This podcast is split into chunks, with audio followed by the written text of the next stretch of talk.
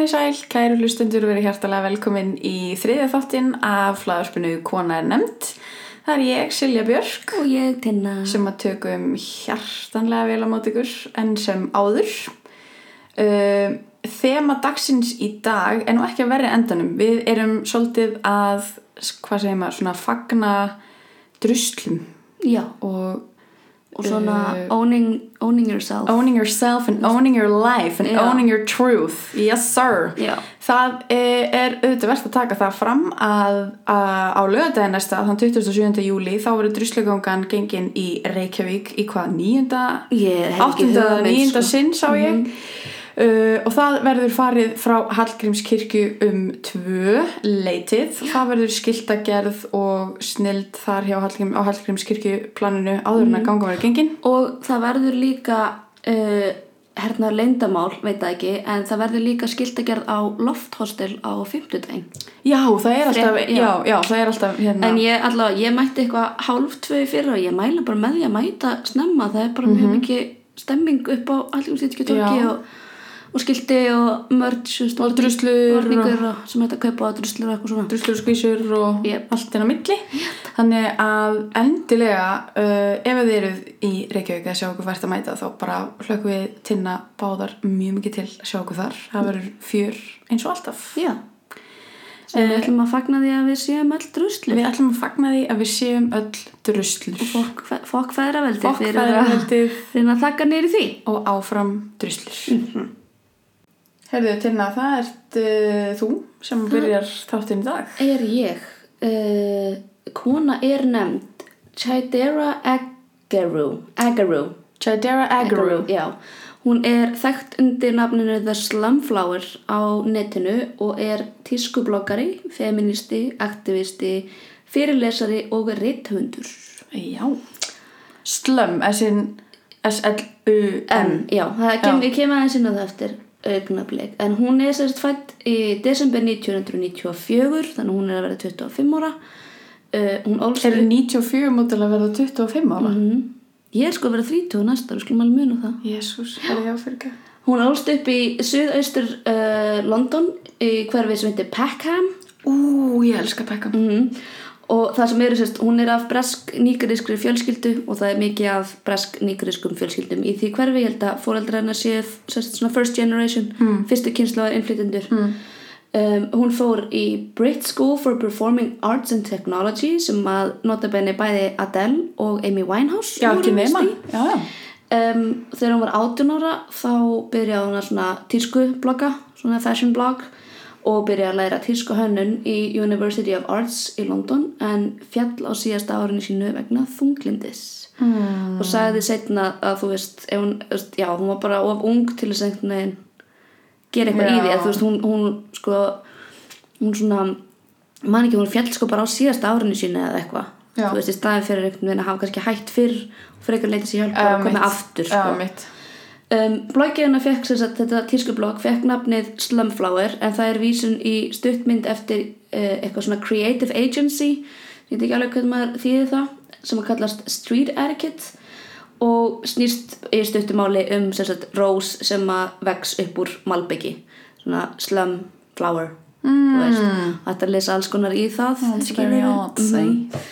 en hérna Autistic. Akkurat, en ég fíla þetta, já, ég fíla þessa tenginga því hún kemur úr þessari fjölskyldu og hérna, þú veist, í svona, þetta ekki, það er búið að gentrifæja þetta, hérna, hverfi núna, skiluru, en þú veist, þetta var, ég myndi ekki að hafa verið slömm, en þetta var mikið af innflytjum Já. og fyrstu kynslu af Já. innflytjum. Þetta er, við þetta er rétt við á Brixton, sko. Já, akkurat. um, hún vísar oft í þennan nýgariska uppruna fjölskyldin sinnar en þau eru af Igbo ættubólknum og hún nota mikið af svona proverbs eða svona málsháttum eða svo leiðis úr sagt, frá nýgariska uppruna sínum mm. um, í nokkru viðtölum það sem ég, sem ég lusta á við hana þá myndist hún ofta á svona að hitt og þetta væri þeirra menning mm.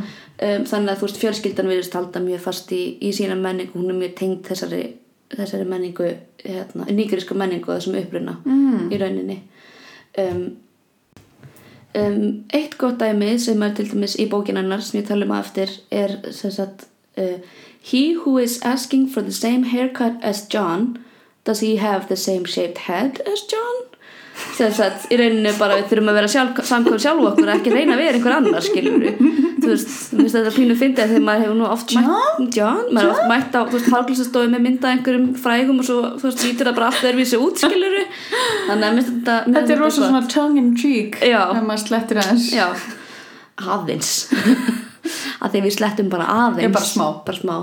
Já, mér finnst þetta, þetta hún er hérna, mér finnst þetta mjög gott en það sem hún er svona þekkt fyrir er sem sagt fyrsta lagi hashtag block him party það sem að árið 2017 þá hérna vildi hún halda partí fyrir konur sem að væru nýhættar í samböndum og þá kannski sérstaklega svona toxic kannski samböndum eða þannig en líka bara allar konur sem var að hætta samböndum og sem að kannski svona væri að finna sig aftur og læra að vera einar og leifa sér að vera þær sjálfar en ekki framhald af einhverjum öðrum eða þannig og notaði sér þetta hashtag blockin party og hún held þetta party og það er myndbandaði á YouTube-un hennar sem bara virtist vera mjög skemmtilegt. Bara skemmtilegt partí, gott Já, partí. bara gott partí, þú veist það bara Some ladies. Já, lady DJs og bara allt mjög flott. Og hún held þarna einhverja tölu þar sem hún talaði um svona accountability sem ég erst mjög áhugavert. Hún var að tala um að þú veist taka ábyrð á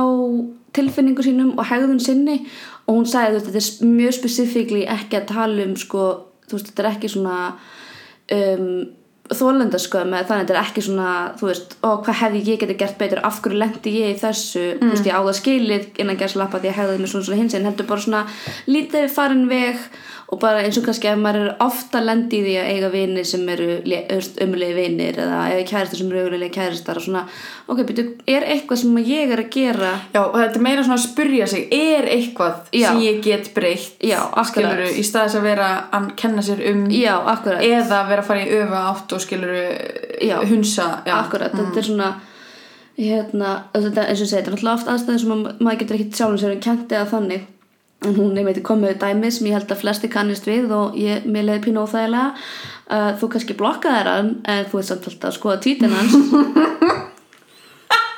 Og allar allar stelpunar í krátinu voru bara I feel attacked. Þær voru allar bara svona guilty dog svona, þú veist svona hundur Já, sem horfir- sína horfið hináttin eitthvað, ég veit ekki um hvort að tala. Ha, Þess að ég tengi ekkert við þetta. Nei Bara ef ég er búin að, ef við erum hætt saman Þá er það bara block, delete, off my media Ég fyrir aldrei Gera þetta aldrei, aldrei gert þetta. Kendu mér þínar leiðir, vinkona. En út frá þessu partí sem var mjög gott partí kom sem þetta síðan hashtagið sem hún er þekktari fyrir og sem er svona, já, hennar legacy eiginlega, arfleið hennar á internetinu munur örugglega verða. En það er hashtag saggy boobs matter. Já, saggy boobs. Já, já, já, já. Hún var sérst í þessu partí í mjög fleiknum kjól og ekki brjóstaldara og vildi setja mynda svo Instagram. Og hún sagði, þú veist, ég var að þú veist, búin að setja myndina og var að fara að skrifa þú veist, eitthvað undir hana og bara, ó, fólk er að fara að dæma mér pottit fyrir, þú veist, brjóstina mér og þau eru svona svona hinsegin, þannig að hún setti bara svona í, eiginlega djóki bara hashtag saggy boobs matter eitthvað. Mm. og þaðan kom bara þessi þú veist, he- heila vitund og vakning einhvern veginn. Að því, svo ég segi, þú veist, hún er sjálf með mjög saggy brjóst, skiluru og tilgangurinn er bara líkamsvirðing nema það sem mér stegjulega best við þetta er bara að þetta er svo specific líkamsvirðing. Þetta er ekki bara eins og þú veist fríða nippul er bara brjóstir er flott heldur meira bara það eru marga konur með saggy boobs og það er allt í læð þú veist, hún má alveg vera í svona, svona kjól og allt í kjól það skilur já, já. Einmitt, hérna, já, ótrúlega sagt þá hefur hún verið kvöldið aðtikli sjúk fyrir þetta. Já, skrítið kemur óvart kemur óvart, kemur. á óvart. Ef ég, ég- fengi fimm kall. Já, ég setti mitt í textan minn hér Insert rambling. Já. Þú veist, ég bara þegar ég, þegar ég sá þetta eitthvað eitthva, something something attention whore þá var ég bara, oh, ok. Ok, fyrir það fyrsta, sko, nú skulum krifja þetta. Fyrir það fyrsta, hvað er svona slæmt við það að fíla aðtigli? Hvað er svona slæmt við það að sumt fólk fíli það að láta taka eftir sér? Akkurat Þú veist, ég er ekki að segja að út af því að ég sé aðtiklisjúk og ég þurf að trana mér allstaðar og ég þurf að tala um allt allstaðar og bera með brjóstinu og austuvel og gumma og hvað, ég er ekki að segja að allir þurfa að gera. Nei, en líka, pælti, ef það væri engin aðtiklisjúkur það væri engin list Nei, nákvæmlega ekkert til að tala um. það væri ekkert að gerast. Ó, þetta er eitt af mínum svona þetta er eitt af orðunum sem að var oft notað um mig þegar ég var krakki og er ennþá notað um mig, þetta er eitt af orðunum sem að ég er búin að taka í mínu prjótu persónulega lífi tilbaka til mín og vera bara já, ég er aðtiklisjúk ég er hávær og ég er aðtiklisjúk og hvað, mm -hmm. skiluru og það er með eins og segja þetta bara ef það væri ekki fólk sem fílaði aðtikli þá væri ekki list. Nei, það væri ekkert það skilurðu. væri ekki þú veist, engin, engir fyrirlesarar engir, þú veist, ekki neitt. Nei, TED Talk var ekki til skilur en hún setti you go girl with your saggy boobs nákvæmlega og hún er svo mi- líka mikið að tala um bara, þú veist, þetta er ekki einu sinni þú veist, þetta er Jú, stundum er hún bara í fleiknum kjólum að því hún vill vera sexy og stundum er hún bara í fleiknum kjólum að því það er þægilegast, skilur þetta er bara, svona lítur hún bara út -hmm. og það er bara frábært, mm -hmm. og hún setti myndi núna sagt á hérna, alþjóðlega kvennadaginn 8. mars á þessu ári og e, afsækja ég nætti ekki að þýða þetta allt saman en það sem hún setti á Instagram var sem sagt This International Women's Day, my love goes to the women who have breastfed babies, to the women who have survived breast cancer, to the women who have lost, lost weight and lost the plump in their boobs, to the women who have had implants or reductions, and to the women simply born saggy boobed. Whatever your boob, boobs look like, they are yours, and you do not owe a single soul Perkinas unless you want to change that, and there is nothing wrong with that. Surgery isn't entirely the enemy here, patriarchy is. Boom shit. Já, ég, ég, þetta var svona slow clap moment þegar ég las þetta. Oh my god, þetta er svo ógeðslega rétt. Mhm. út af að auðvitað máttu fari í brjóstastækkuna, mm. brjóstaminkuna brjósta, þú veist, Lögun, lögun skiluru ef að þú virkilega vilt það, Já. skiluru og enginn má koma til þín að vera eitthvað að þú virkilega vilt þetta ekki, þetta er bara út af feðravöldinu bara eitthvað fuck you, lefið líka- mér bara ákveða fyrir mig hvað Líka- ég vil gera við minn líkama kannski er þetta bara út af færaveldinu en við verðum, við erum samt lifum í þessu systemi Einmitt. skilur við verðum samt að lifa af í þessu systemi þú veist. Og þetta bara þegar ég uppgöta hana það var sérst hérna einhver sem sagði mig frá henni á djamminu, einhver á Twitter. Og hérna byrjaði að followa hann Twitter fyrir nokkur mánuðum síðan. Ég dyrka þessa konu skilur já, ég þarf að hendi eitt follow. Absolutt, ég mæli með henni. Ég man ég sá þetta saggi búbdæmi þetta kom líka á BuzzFeed og Mhm. eitthvað, var svolítið mikið verið að tala um þetta. Já, en eins og, þú veist, fyrir mér er þetta svo mikið líka því að líkamsvirðingar svona movementið er eins frábært að það er. Það er það náttúrulega svo mikið um fyrsta ræði allt og líka svo mikið um þing mm specifíkli, þú veist, það er svo mikið um um, að mega vera feitur og allt það og eins og segi líka með fríða nippul það er svo mikið svona öll brjóst eru frábært sem þau eru, skilur en mér er bara svo gott þegar það er bara einhver sem að tekur bara þennan hlut, mm -hmm. skiluru þú veist það er, er bara eins og þegar maður sér eitthvað svona á Twitter þar sem er að tala um skiluru um, eins og líkama eftir fæðingu eða líkama eftir keisaraskurð mm -hmm. skiluru, en þú veist og hún er bara ég með sækja boobs, setti þetta hashtag það varði eitthvað úr því og nú er það bara my legacy og ég er bara til í það, skiluru Þetta er líka það sem er eitt af því þú veist þetta er svona a butterfly flaps its wings on the internet Akkurat. and suddenly a movement is born skilur akkurat.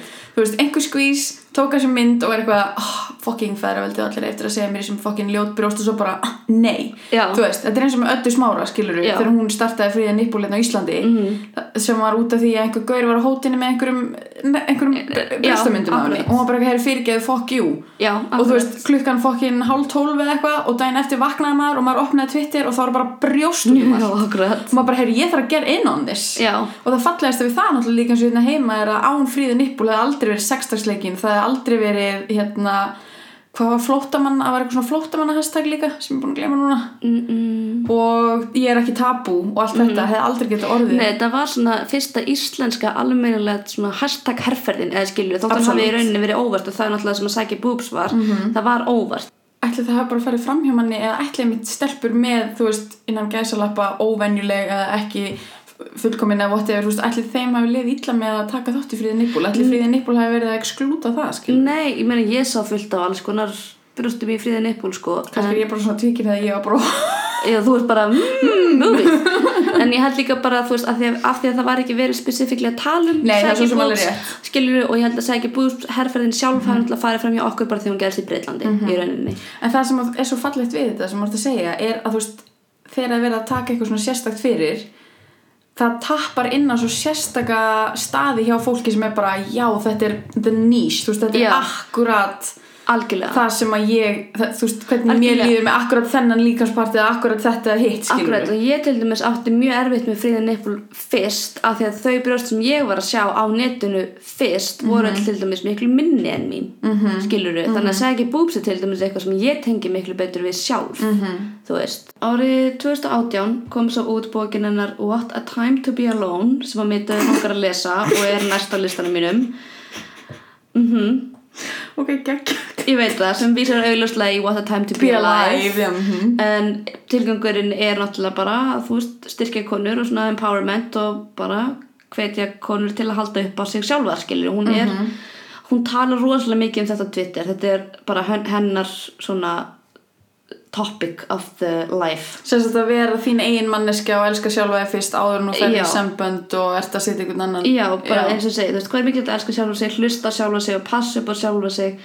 Um, Twitter hennar er meira að minna bara don't settle, you deserve better skiluru og hérna, sem ég held að sé mjög mikilvægt samtal líka skiluru Oh og þú veist, málið er að hún tekur þetta náttúrulega í pínu ekstrím skiluru, þú veist, hún te- en það þarf bara svolítið til þess að maður kannski fylgi og hlusti, og svo var hún með þess að TED fyrirlöstu, ég manni hvort TED, TED eða TEDx um, sem að hét sem, sem var bara um þetta hvað er mikilvægt að njóta þess að vera einn og, og njóta sinna eigin samvistar eins og hún segir time you spend with yourself is never a time wasted. Já, mm og hún segir sko við notum oft svona sambönd okkar við annað fólk til þess að eiginlega forðast, forðast það að líta í, þú veist eigin barm. Já, og þú veist, lítast í augu við okkur sjálf og svona taka ábyrð á því hver við erum þegar enginn er að horfa. -hmm. þú veist um, þú þarft bara líka að kunna vera einn. Já, veist, og þetta er ekki bara líka það sem hún er ekki að segja, ekki bara það að kunna að vera einn, það sem hún er að tala um að veist, við erum skilyrt til þess að halda að við eigum að fara í romantísk sambund, við erum skilyrt til þess að halda að við eigum að gifta okkur, það er alltaf bara þú veist, eins og hún sagði hérna þegar fólk talar um ógiftar konur þú veist, why isn't she married? The reason why people do that is because they feel like a woman is never enough until a man says she is. Þú veist, það er það sem hún er að fara inn á bara, þú þarft ekki að fara í samband af því að samfélagið er að segja þér að fara í samband. Þú mátt býða eftir hinnum eina rétta. Þegar Já, fólk þú- talar um veist, klukkuna og þú ert alveg svo gömul og eignast börn og bla bla bla skiluru, Já, þú veist, einmitt. bara don't settle skiluru, Nei og líka, þú veist, með, með þetta, þetta er, ekki, þetta, er ekki, einmitt, þetta er ekki bara að kunna að vera einhleipur. Þetta er ekki bara það, þetta er líka að geta síðan farið inn í samband, skilur og verið ennþá your own person. Akkurat. Og ekki að býða eftir því að, þú veist, fá eitthvað validation að því þú ert kærasta einhvers eða ert Nei, með einhverjum þú ert sambandi. ekki- Þú veist, þú meiri sér líka bara með vini, þú veist, nota, eins og nota vini sem eitthvað stöðutákn, skilur akkurat. En þegar að öllu er á botnin kvöld þá er enginn sem er að fara að eyða meiri tíma með þér það er bókstallega næsta setning. Ég hef alltaf svo oft sagt þetta. Þú ert eina manneskjan sem ert með þér all, alla? æfina skiluru, að því að fólki sem að þú fæðist með skiluru, þau fyrsta lagi eru ekki alltaf til staðar. Þú sefur einn í herbyggi eða whatever og svo veist, de- fólk deyr, fólk fyrir frí fólk bara hættir að tala saman whatever, þú veist, þetta er bara ég hef alltaf séð þetta svona fyrir mér, þú ert aðarleikarin og þú ert á sviðinu allan tíman, þú veist, það er ekkert hlið fyrir þig. Hini leikarnir koma að fara mm skilur, hvort sem er, þú veist, þá bara af því að þú veist, meina, ég er að fara heim og eftir þá var ég ekki í kringum þig.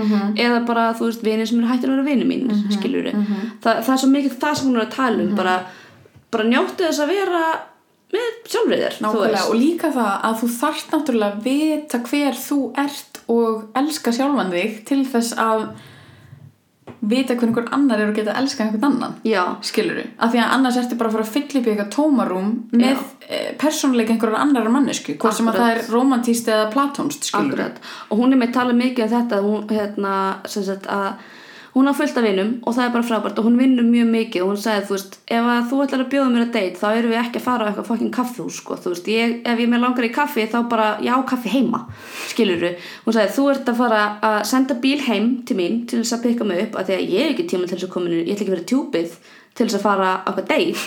Uh, við erum að fara að borða einhver staðar á einhverju fancy stað, þú mátt velja að hann verður að vera fancy og þú ert að fara að borga og svo ætla ég kann ákveða hvort að þú fáir annan séns skilur hún er bara Girls got standards. Já, hún bara, og hún er alltaf að segja það bara, þú mátt hafa standarda skilur, það er bara ekkert að því, þú veist, ef þínu standardar eru bara, ég elska að fara að deyta kaffehús, you do you. Það er bara ekki það sem hún gerir, skilur og mitt, hún sagði, Ó, þú veist, þetta ég er samt svo rétt út af því að þetta, þú veist, ó, þetta er svo mikið svona þú veist, ekki lækka í þér fyrir neitt annan ykkur sem þólir háfaðan já, skilurðu? akkurat, akkurat. Þú veist, hún sagði, þú veist, svona, if you can't handle me at my worst you don't deserve me at my best Já, dæmi, basically, og einmitt, þú veist, hún er ekkert að segja að, þú veist, hún er ekki beint að segja, þú veist, þú mátt alveg fara á kaffeteit og fíla það, en hún er meira svona að segja, en pældu í því, þú veist, er það nóg, er það það sem þú ert að leita, skilur, hvað Mhm. er það virkilega sem þú vilt fá, og hún alltaf talar alltaf um stráka því hún er streit, skilur, Mhm. hún talar alltaf um þetta í, sko, cis streit sambandi, sko, þú veist, en það er það líka bara, þú veist, man versus woman, feðraveldis, tvíhyggjan og allt það, þú veist, og það er bara við hana. En hún er rosa mikið bara, hún sagði sko, þú veist, hún sagði ég er ekkert að móti hjónabandi, ég er ekkert að móti samböndum þú veist, romantískum samböndum en bara, þú mátt vera með standarda þú þarft ekki að vera eitthvað ó, ég er, að- ég er að vera 30 er á lausu hvað ætla sé að mér, það er ekkert að þér þú bara, ertu ég búin að finna einhvern skilur allavega. Um, einmitt eins og hún sagði eitt annars hún sagði sem er mjög gott you are not here for anybody's consumption. Þú veist þú mátt gera það sem þú vilt og líta út eins og þú vilt og þú mátt gera, þú mátt mála þig fyrir annað fólk, skilur, það er líka bara með það er líka bara það sem eins og ég segi hún ætlast til af deytunum sínum er að þeir séu, þú veist, vel til hafðir og allt það, en samt sem aður þá bara þitt líf per se er ekki fyrir neitt annan, eða ætti ekki að vera fyrir neitt annan. Svo kom hún með hérna, mjög góð sögu sérst, að þá var spurð skilur hvernig hún fór að hugsa um að hún væri feministi. Og hérna hún sagði einhvern tíðan því ég svona í kringum 11 ára þá spurði ég mömmu mína af hverju vaska ég alltaf upp en ekki bræði mínir og mamma hennar sagði bara því þú ert stelpa skilur það er bara, that's our culture þetta er menningin okkar, þú ert stelpan. Og hún bara, mm, það var aldrei nóg fyrir mig skilur það var ekki nóg fyrir mig að segja þú veist, af því að kennarinn, eða heyra af, af því að kennarinn segir það. Þú veist, ég vil vita af hverju ég á að gera hlutina þú veist, hvað tilgang það hefur. Enda á því, sérst, að mammenar neyti bræðurinnar til þess að hjálpa til við að vaska upp. En hún segi, þá er ég búin að vaska upp í svo mörg ár að mér fannst það ósangjart mér fannst að þeir ætti núna bara að vaska upp og ég, ekki ég, Já, ég bú, ég var búin með minn skilur og, og þú veist, hún horfir líka svolítið þannig á bara uh, feminisma eða þannig. Og það er svolítið þar, þaðan sem þessi standard kemur hjá henni bara, hún er búin að berjast á móti feðraveldin svo lengi að henni vist bara allt í lagi að þeir sérst, menn sem er alltaf undirstaða feðraveldi sem reyni jú. skiluru Feðurnir. já, fe- hérna séu, þú veist, trýta hana á móti skilur, hún sagði, þú veist, ég er að vinna sérstaklega því hún er alltaf svört kona svört ung kona. Um, þá er hún bara, ég er, þú veist, það er svo margt sem að stríður á móti mér að ef ég er að fara að deit með einhverjum gaur þá, hann er að fá betur borgað mm -hmm. skilur, jafnvel ef að ég er í, þú veist, þessu fá, hérna, skrifa þess að bóka fá fyrirlæstra bla bla bla, þú veist the wage gap exists, þannig að Nákvæmlega. þú borgar. Nei, og líka og hún hefur fengið rosalega mikla gaggrinni fyrir að því hún er, eins og ég segi, hún fer alveg út í svolítið ekstrím með þetta. En það er samt svo mikið wake up call þú veist, það er samt svo mikið bara, já ok þú veist, þetta er samt alveg satt skiluru, þú veist -hmm.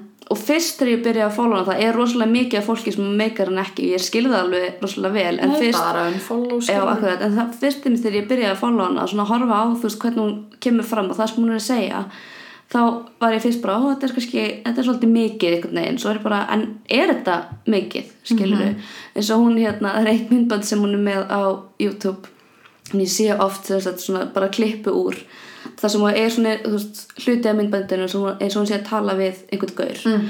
og hún sérst, hættir að tala bara ég er bara að býða eftir því að, að þú útskýri fyrir mér, þú veist, af hverju þú komst til gyðju eins og mín með ekkert til að bjóða þú veist ég er ekki fara að gefa þér neitt.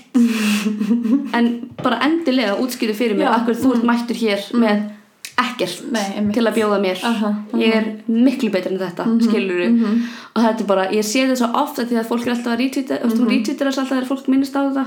Og ég, þetta er svo mikið svona eh, alltaf þegar ég sé þetta er ég bara, já Akkur, akkurat. Eða þú veist, auðvitað. En ég held að mitt bara að svo margir sjá þetta sem svona, þú veist frekju. Já, nei, ég held að menn, nei, menn, ég held að fólk sjá þetta sem svona man-hating feminist. Skilur þú hvað ég meina, þú veist, þeir sjá þetta sem svona, og hún hefur fengið þá gaggríni oft og hún hefur alveg sagt hluti sem eru Á grensunni. á grensunni, sko, þú veist, eru, eru nálægt línunni, mm skilur en hún er líka bara koma með punta sem að þurfa að sjokkara pínlítið til þess að maður kannski fari að hugsa nokkur skrif áfram. Já, þurfa alltaf að vera einhverju sjokkarar sko. Já.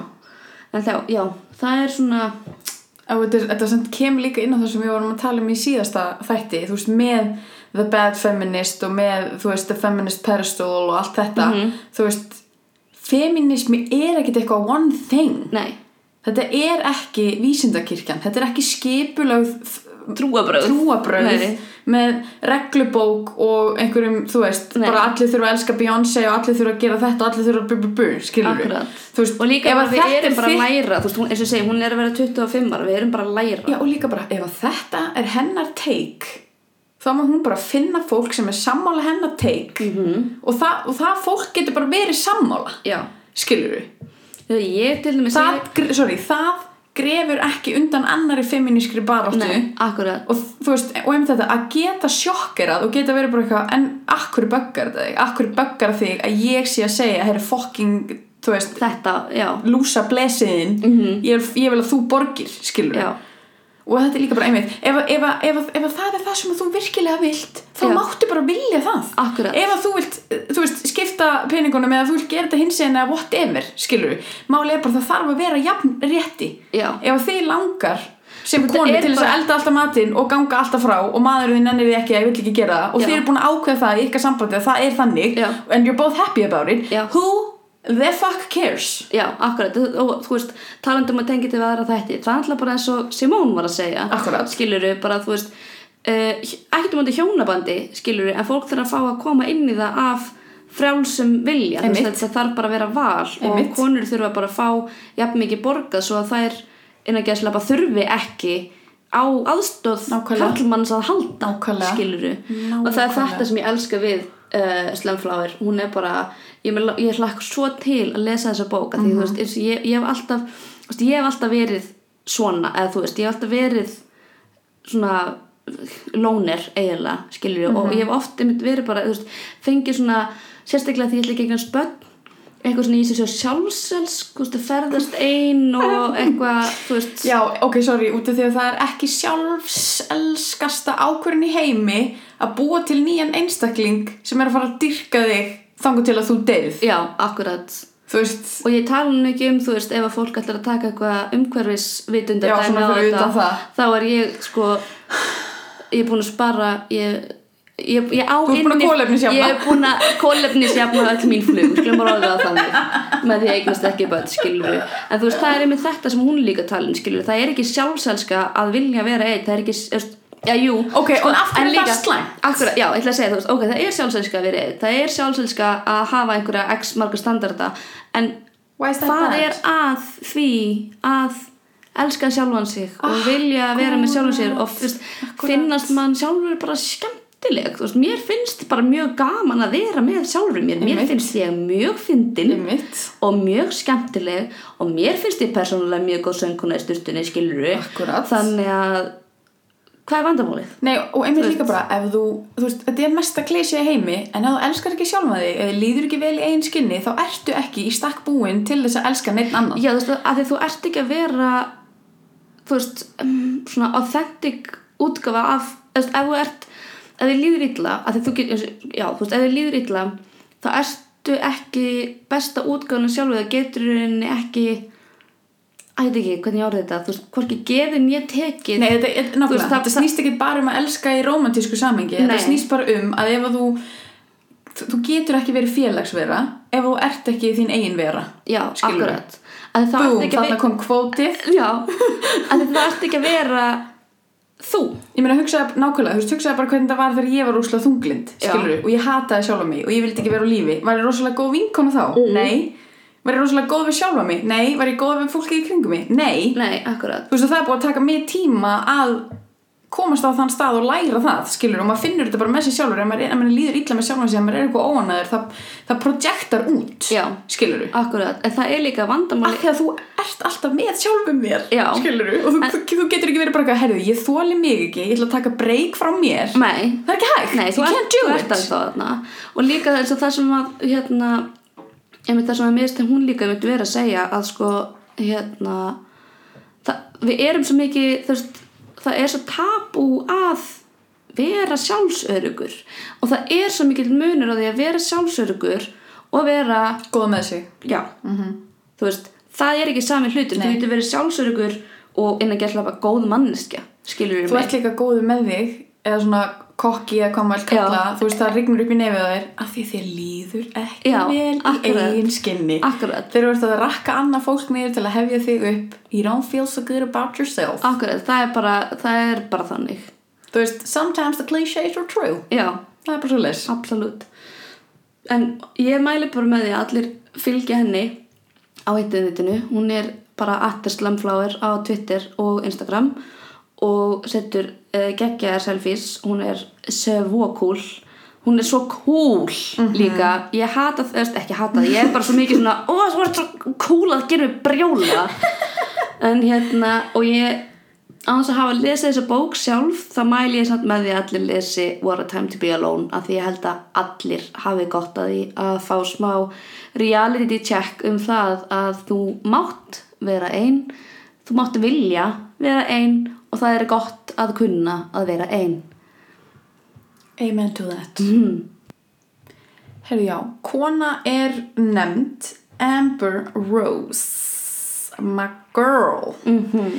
hún Amber Rose sem allir ætti nú uh, sem að uh, eiga internet ætti nú að kannast við hún er fætt sem Amber Levenchuk Aha sem er arguably ekki uh, sellable nafn hún er fætt 21. oktober árið 1983 og hún er meðal annars dansari, mótel, áhrifavaldur og uh, leikona en við skulum setja það í gæsana hún Amber fættist í söðu Fíladelfíu og hún er alveg upp í Fíladelfíu og hún uh, skilgrinni sjálfa sig sem svona biracial og það er eiginlega ekki til neitt íslenskt Nei, bara Tví- svona bl- kynþátta Nei, eða eitthvað, þú veist. er það bara svona blönduð. Já, Eða, því að að að- það sé svona eiginlega já, af því að sko mammenar er frá Já, mammenar er frá sko Cape uh, Verde í Suður Afríku og ammenar er sko, skosk og síðan er pappinar írsk uh, ítalskur innflytandi í bandaríkunum að Þannig að she is of many nations. Já, en þannig að hann er hvítur. Já, hann er alveg hvítur Já. en mammenar er líka svona biracial Já, að- mammen er Já, þú veist að því að mamma hennar Ok, og svo er ammenar Rétt. Amber er skosk. Ok. Og hún sérst, uh, já, er sérst identifæjar sem svona biracial og, og talar mikið um það. Um, og foreldrar hennar skildu þegar hún var úlingur og þá fór hún að strippa til þess að sjá fyrir sér og fjölskyldunum sinni dansaði undir nafninu Paris. Mm. Uh, já, var sérst bara að strippa til þess að sjá fyrir sér og mömmu sinni og yngri bróðu sinum uh, eftir sérst skilna fóreldra sinna. Hún í einhverju viðtali eh, að hérna hún hafi reynt að gerast eitulífasali Reynd já, hún er eitthvað I tried selling crack cocaine but I wasn't very good at it veist, ég, hún fór ekkert nánar út í það hvað var Nei, maður þarf að vera góð sölumæður hún bara var ekki góð. She could sell her tits but she couldn't sell the crack cocaine. Þannig að hún varð ekki eitulífasali Nei, en var var vissulega já, en var vissulega strippari. Um, og hún er einmitt örgulega þekktust fyrir það að hafa verið svona exotic dancer eða strippari eða fatafella, ég veit ekki þú veist, framandi dansari er einhvern veginn ekki ég held að strippari strippari sé sé bara í svona lagi. íslenska orðið sko. já, og já, hún er já, þekktust fyrir það og hún byrjaði fyrir sinn sem svona video ho eins og það heitir. En video ho er í grunninn bara uh, yfirleitt konur af uh, svörstum uppruna í svona hip-hop rap myndböndum sem eru basically bara mótel Já, Þú veist, já, já, og eru kannski eitthvað að hrista rassin eða dansa fyrir aftan eitthvað, þú veist, eru, já, þetta er bara svona já. og hún e, byrtist í mjög mörgum e, rap og hip-hop myndböndum og gerir reyndar enn. Og hún hefur verið mikið á milli tannan á fólki fyrir það að náttúrulega vera kynæsandi og vera svona óafsakandi þú veist, í sínum kynþokka. Já, þú veist, hún er bara sexy og hún er hér and she knows it, Já. skiluru og að því hún er mjög virk á samfélagsmiðlum og er bara einmitt líka mjög óafsakandi með það þú veist, hún er bara samfélagsmiðla áhrifavaldur punktur, hún auglýsir á Instagram skiluru og talar mjög opinskátt um kynneið sína og kynfrelsi og kyntjáningu og drusluskömmun og að svona uh, já, að eiga sig sjálfur og eiga líkamann sinn sjálfur. Og um, hún skipulaði í rauninni það sem er svona fyrsta, fyrsta skipulaða druslugangan í LA árið 2015 Mhm. og hefur haldið Það þær er 15 já, í LA sko. Já, ok. Já, en haf- höfðu verið út um allt þær byrjuðu í Toronto Já, sko. akkurat, já, ok. Ég kem að spytur um það eftir. Uh, já. Og það sem að mér fannst svona smá einskot, það sem að mér fannst lang mest pyrrandi þegar ég var að researcha fyrir þetta podcast og googla hana er að ég þurfti að grafa í gegnum endalaust einhverjum trashy ass greinum um alla mennina sem hún hefur sofið hjá eða ekki sofið hjá eða í hvað fötum hún hefur verið eða ekki verið. Og hún sé svona og hins einn kynferðislega bla bla bla bla bla exotic dancer, stripper og fyrirvændi kærasta hins og þessa. Já, áður en ég fór actually þú veist, meira svo Wikipedia greinunnar skilur, áður en ég fór actually að finna bara hluti sem hún hefur gert og er að gera og er Já. að merkilegt bara afreikin hennar skiluru mhm. Uh, sem er hryllilega pyrrandi og er náttúrulega bara drusluskömmin to the fucking max Aha. skiluru hún er, var í mjög um, public svona, mjög, mjög svona hvað segir maður? já eða bara svona þú veist vinsælu samband eða skilur, Já, hún var, já. sérst, í svona, já, var í sambandi með Kanye West Já. og það var mjög stórt á sínum tíma og það var mjög mikið fjallað um það í fjölmjölum og þau voru svona mjög mikið á milli tannan og fólki og svo var hún gift uh, Wiz Khalifa sem er líka rappari og á með honum son og var einu sinni bendlu við annan rappara sem heitir 21 Savage uh, myndi, bara segja það. Mm. og hún er núna í sambandi með manni sem heitir Alexander Edwards en hann er framkvæmdastjóri Def Jam plötu útgáfunar og þau eiga í mitt von á barni bara þá og þeir, heldur sem kom bara eitthvað sjömanni og leiði eitthvað. Um, og líka þegar ég googlaði hana þá, að þú veist hvernig Google svona fyllir upp í Já. þú veist, þá kom alltaf What is Amber Rose famous for? Why is Amber Rose famous?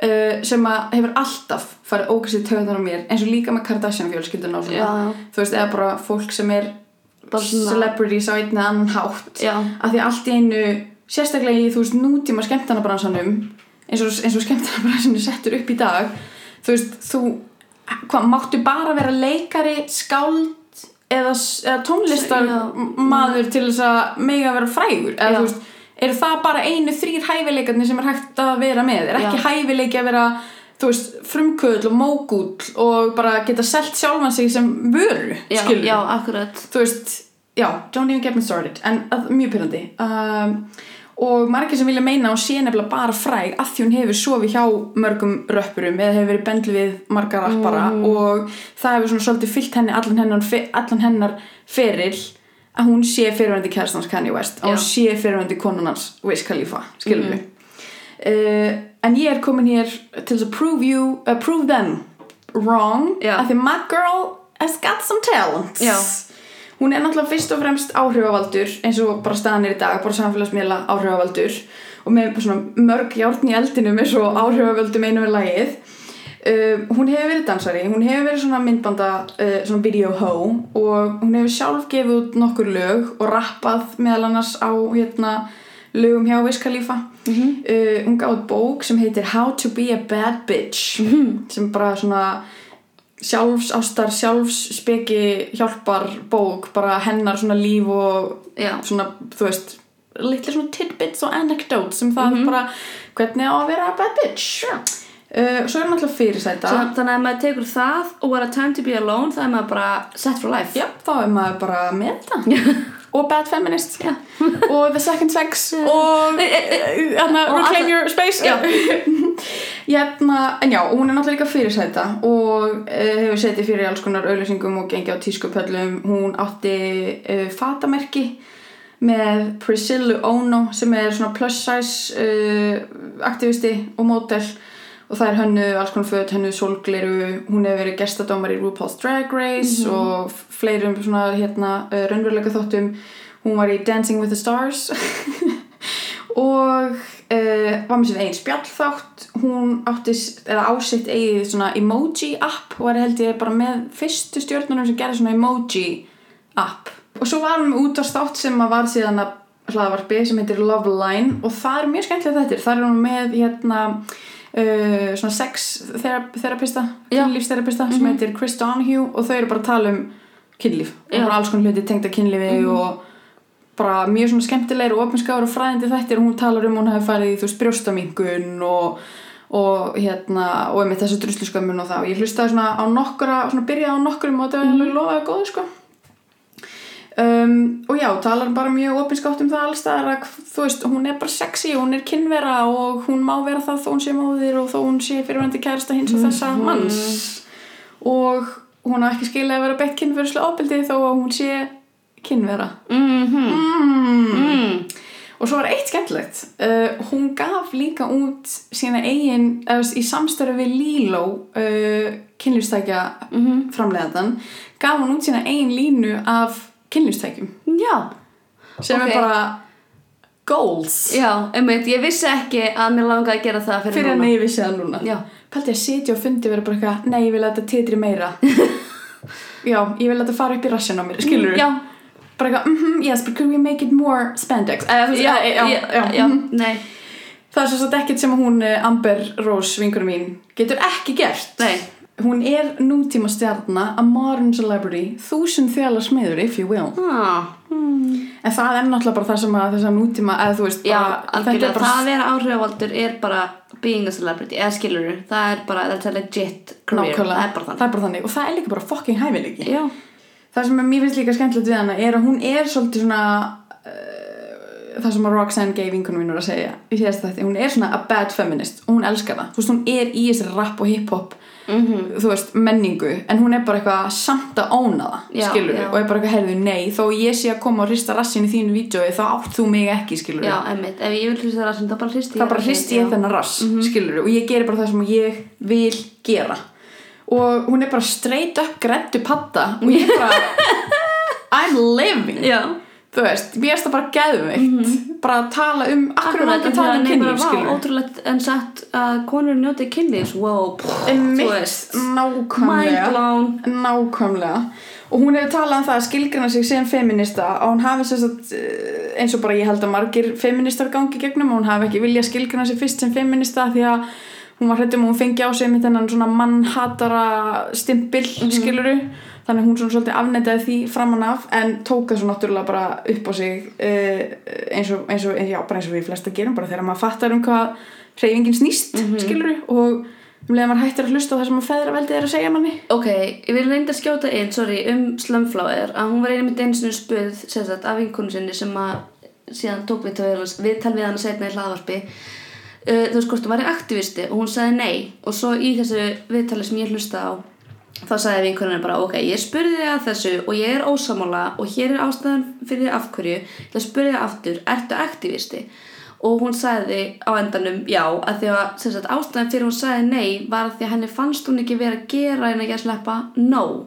Þú veist, að því hún var ekki að fara og hún var ekki að gera þetta, hún var ekki að gera hitt hún var ekki að gera svona í hins einn og hún er samt búin að starta tveimur stórum herrferðum skilur og það er líka bara með að vera feministi veist. Og ég vil ekki segja þessi feministi þegar það er slemt orðað því að því ég er ekki að gera nóga því ég er ekki svona í hins einn bara ef þú ert feministi þá ertu bara feministi það er nefnt saman með þetta. Hún vildi ekki skilja sem með aktivista því að aktivistar eru svona svona hins einn en þú veist hún er samt búin að gera fullt þú veist, Mhm, nákvæmlega. Amber er búin að gera fullt feminist og Chadera er búin að gera fullt aktivist nákvæmlega, so you feminist girl. Já, nákvæmlega, það er eitt af því sem hún líka hún Amber vingur mín er mjög mikið gaggrind fyrir sem að ég er sjálf líka svolítið mikið að ströggla með verandi þú- ný móðir og ég held að marga mæður ströggli við er einmitt þetta að hún alltaf sjálfsög má ekki vera sexy að því hún er mamma. Nei nei. Hún má ekki klæða sig svona hins egin og vera með brjóstin úti og rassin úti og gera það sem hún er að gera og vera basically hún sjálf af því að bara hugsaðu hvað síni hínum eftir að finnast um þetta.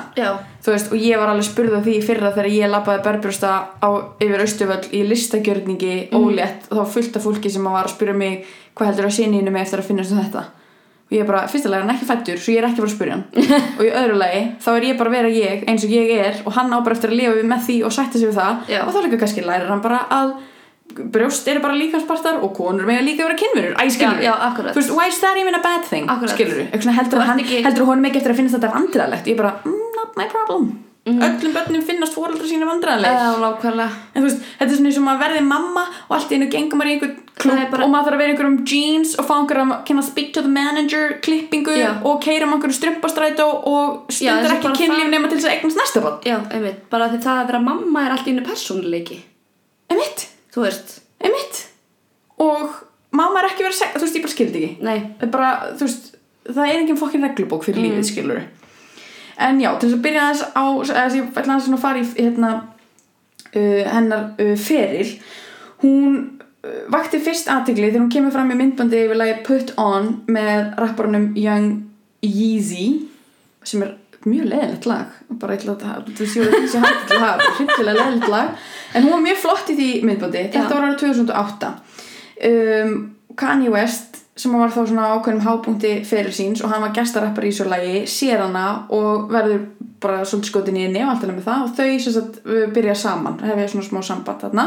Þá náttúrulega sjálfsögði er hún bara Kanye's girlfriend. Mm Kanye's stripper já, girlfriend það er það persónuleikin þá er það persónleikin hennar. Og hún uh, vekur síðan aðtikli þegar hún situr fyrir í stríðaskó auglýsingu hjá Louis Vuitton á svona stríðaskólínu sem Kanye West hannaði. Mm uh, og auglýsingin er svo lýsandi fyrir bara lífið, þú veist, ég hef aldrei séð þessu auglýsingu, ég eitthvað, las þetta, ég eitthvað, já, googlaði myndina. Og ég bara svona ég tók bara svona in real life bara facepalm, bara þú veist, please. Þetta er svo að uh, ein, þú veist, á ein, uh, einni myndinni þetta eru fullt af myndum á honum svo er ein mynd af þeim saman og hann situr svo satt í svörtum uh, rúlukrafaból gráum buksum á brúnum leðisofa og hún liggur að sjálfsögðu allsber Já. þvert yfir kjöldun á honum með andlitið í fokking klófin á honum -hmm. Þú já, veist- ég er að horfa þess að Já. mynd núna Why? Why? Og alla fyrirsagnina voru náttúrulega bara Kanye's stripper girlfriend bears her rump in a sexy ad. Kanye's stripper girlfriend nude in a Louis Vuitton ad. Bí bí bí bí bí Þú veist í fyrsta lagi á hún allt í henni ekki nafn. Nei. Bara heitir ekki neitt. Oh my god, ég þóli þetta ekki. Viðbjóður. þú veist, ándjókst er eitthvað að kona þessara manns gerði actually merkilegan hlut en hún samt, þú veist kona þessara Já, manns já, einmitt. She has svona. She has a name. Og hún gerði þetta þó að hún væri gift Þú veist, Amal Clooney einhver uh nákvæmlega eitthvað Clooney, eitthvað George Clooney's wife maður svo hún er mannréttindalega Já, frægur einmitt, hún hefur gert ansi mikið meira heldur en hann elska um George. Clooney. Já, en þú veist, great. he is just an actor Já. let me tell you. Já, mm. og eh, þú veist, já, margt maður segja mann Kanye West en já, alla, alla um, það er annað hlaðvarp for in and of itself sem að, já. Ég þurfti að stróka svo mikið út sko. það var bara, ég var með heila kabla sem var bara drullið Kanye West en uh, ekki örvænta Kanye haters, það kemur nóga við drulli uh, sem hann á velskilið mm. um, en já, Og sorry með það Kanye lovers. Já, mitt nákvæmlega, hann er umdeldur En já, sem svona video ho eða video vixen eins og það er stundum kallað þegar fólk vil vera PG-13 þá Mhm. hefur hún verið í myndböndum hjá til dæmis Nicki Minaj hjá Wiz Khalifa, náttúrulega hafandi verið einhvern hans Jú, jú. hjá Ludacris og í Mask Off vídeónu hjá Future og að sjálfsögðu náttúrulega hefur hún aldrei komið fram í einu einasta fucking rap myndbandi á þess að hafa verið sökuð um það að vera ríða þeim sem er rappa þú veist, pottitt líka hefur hún verið sögum eða þú veist, hefur sagt að hún hefur verið að sofa hjá Nicki Minaj bara, bara þú veist, að því að, já. Mm -hmm. en hún er sem sagt tvíkinuð, Já, eða hefur sagt það. En já, til þess að fara aftur hérna aðeins í samband hennar við Kanye West. Sko, ég er alltaf á mjög báðum áttu með hann að því að stundum fíla ég það sem hann er að gera og stundum er ég bara, hann er bara snillingur in his own right. En meðferð hans á konum sem eru ekki Kim Kardashian er fáránleg já ég get ekki Ég get hann ekki Nei Og ég skil það, Já. þú veist, og það er mjög langt síðan að ég var síðast eitthvað, wú, Kanye, skilur Mhm. Og þetta er svona eitt af svona instansum þar sem mér finnst mjög erfitt að skilja listamannin frá listinni, Mhm. bara fyrir mútið það. En þau kynnast þarna Amber og Kanye í kringum svona 2007-2008 byrjaði að deyta 2008 og er í sambandi til 2010 og þau voru mjög vinsælt par. Voru, þú veist, þau voru mikið í svona slúður og fréttamiðlum og myndu út um allt og þú veist, voru oft í einhverjum svona fárlegum átvitum og einhverjum fárlegum stellingum og einu sinni voru þau á hérna rauða dreglunum á VMAs The VMAs, það sem að Kanye West kleipur upp á svið og uh, ah, tekur mikrofónin af uh, Taylor Swift þá voru þau sagt, mynduð að drekka viski á Hennessy viski á rauðadreglunum og margir svona Kanye lovers hafa verið bara hann var svo fullir á Hennessy viski þess vegna hljópan upp á svið. En á þessari VMAs hátíð eins og bara frækt er þannig að stekku Kanye West upp á svið rífi mikrofónin af Taylor Swift þegar hún er að taka við verðlunum fyrir besta tónlistumindbæti eða albumi eða eitthvað og segir að Beyoncé hefði átt að vinna. Fávitalesta move í öllum heiminum. Í alveg fyrst er þetta kom ég man eftir því að fyrst er þetta kom og var eitthvað, oh my god, snild en fyndir bla bla bla, Nei. þetta skilu og allt það og maður var bara þú veist, aumingja aumingja Taylor Swift. Já, og bara veist, að lenda í þessum fávita Já. og aumingja Beyoncé líka. Já, þú veist, hvað held hann að hann væri að gera? Og líka, mér er líka sama hvort að hann hafi verið fullur eða ekki já, já, og mér er líka sama þótt að Beyoncé hafi alveg nátt þetta meira skilið Já, og þó að sé rasismi í bransanum og allt það bara take a fucking seat. Já, þú veist. Ekkert af því að Taylor Swift að kenna per se, nei, skilur nákvæmlega. Og eftir að þau hættu saman 2010 þá var já, eftir að þau hættu saman things got a little messy. Og þau hafa sérst bæði viðurkent og bæði sakað hvort annað um framhjáhöld á þessum tíma. Þarna var Amber farin að halda við Wiz Khalifa og Kim, nei Kanye og Kim Uh, og nokkur Kardashian voru farin að stinga saman nefjum og hún var líka að halda fram hjá mönnunum sínum sem hún var með hérna á þessu tíma. Þetta er bara messy central Já, já. þú veist og þetta er bara it's a whole já, mess. bara lífið. Já, já. Um, og það er sérst já, þegar þau hætta saman þá verða hlutinir bara svona ótrúlega messy. Og þá hættir hún að vera sko Kanye's girlfriend og því að það gaf henni einhvern svona status það gaf henni einhvern svona vald eitthvað. Að því að hann var svo flottur og hann var svo með þetta þá fær hún einhvern status og eitthvað valda því hún er kærstan hans og þá var einhvern veginn töff hann hefði verið strippari en væri núna ekki strippari. En þegar þau hætta saman þá verður hún þú veist, aftur bara low life strippari. Og það var enginn að pæli því, þú veist af hverju hún var að þessu. Nei, emitt og sko fyrir utan það, ef þú vilt virkilega vera strippari þá máttu bara vera strippari. Já. en þú veist, það var enginn að spá í því að hún hafi bara farið og höstlað og fengið pinning og séð fyrir fjölskyldunum sinni og verið heimilslaus Nei, skilur já. hún bara, þú veist, já, bara strippari eins og það sé eitthvað skammariði Já, Mhm. skilur og þau skiptast á svona s- sneiðum hér og þar út um allt uh, og Kanye rappar um þetta samband og samband hennar við Wiz Khalifa og uh, þú veist, er svona eitthvað að skipta sér af því eins og það kom honum eitthvað við og hún sagði sjálf Amber í viðtali að Kim væri homewrecker og þetta er sko, þetta er svo mikið mess. En frægast er þegar Kanye mætir viðtal hjá The Breakfast Club sem er mjög frægt mjög frægur svona útastáttur um, og þá var hann sérst ofinberlega byrjaður með Kim og hún var að skilja við Chris Humphries. Og þá er hann spurður út í uh, svona erjur eða beef sem er á milli Amber og Kardashian fjölskyldunar sem tengist honum ekki neitt og tengist þessu máleika neitt heldur tengist uh, því að Amber Rose var að gaggrina Tyga fyrir hann til kærastan Kylie Jenner fyrir að vera að deyta stelpu sem var miklu yngri en hann. Veist já, já. og að bara, veist, bara kemur Kanye West bara ekkert við, en hann einhvern veginn treður sér inn í þetta beef um, og segir, og ég ætla bara, þetta er orðrétt hérna, hann sagði If Kim had dated me when I first wanted to be with her, there wouldn't be an Amber Rose. It's very hard for a woman to want to be with someone that's with Amber Rose. I had to take 30 showers before I got with Kim. Ég er að fara að taka þennan mikrofón og henda hann í gólfið þetta, mér langar svona nei, Vistu, ég man eftir að hafa séð þetta og þarna, þetta er svona eitt af breaking point moment þar sem ég var bara þessi maður er cancelled. ég hef aldrei heyrt þetta áður Hefurðu aldrei heyrt ég hef aldrei heyrt þetta áður en hér, Þetta er alveg svona- það er aðalega þegar ég, ég þól ekki kann ég veist ég fylgist ekki með en þetta er núna að kalla bara the 30 showers comment. Þú veist þetta er bara þetta comment. Hann sagði þetta bara og gaurarnir í þú veist útafsvættinu voru bara haha já he he he.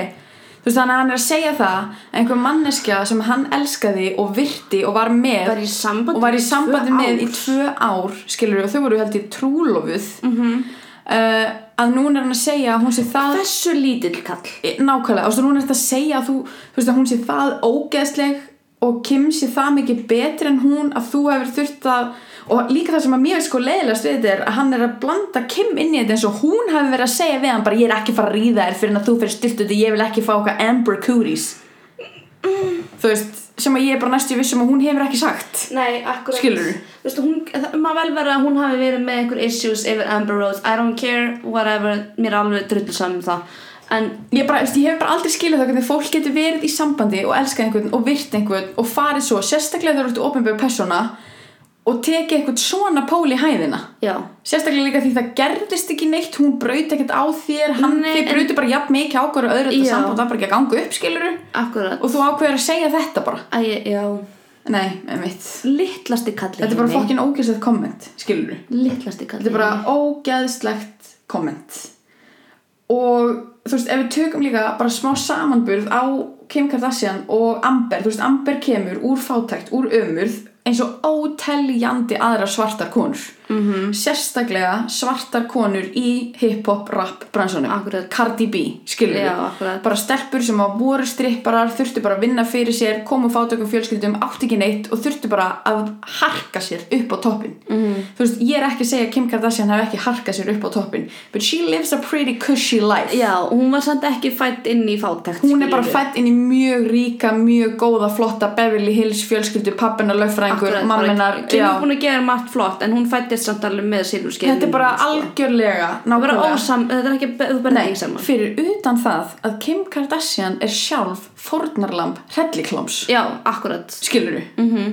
og hún er alveg að feminist þú veist, icon in many ways in other ways skilur þú en af hverju er allt í hennu hún eitthvað betri heldur en að því að hún er Já, ekki að því þetta þarf bara alltaf, við þurfum bara alltaf að vera, samfélagi er alltaf bara pitting women against each other, mm -hmm. skilur þú eins og, og, þær þurfi eitthvað að vera einhverja óvingulega þegar þeir eru að deyta, að hafa að deyta saman, eða, Nei og líka bara, þú veist, þeir tala um Amber Rose eins og hún sé, veist, Já, já, hún er ógeð og hún er allt þetta. Og Kim Kardashian allt í eitthvað upphafin Já. en svo postar Kim nakinni sjálfu af sér og þá er hún samt aftur orðin slött, æ skilur þetta er bara svo fucked up. bara eins og mér og meðan situr Kanye bara í einhverju sofa, í einhverju fucking rúlukraðabúa og allir eru bara, ha, Kanye er svo fyndin Nei, nákvæmlega.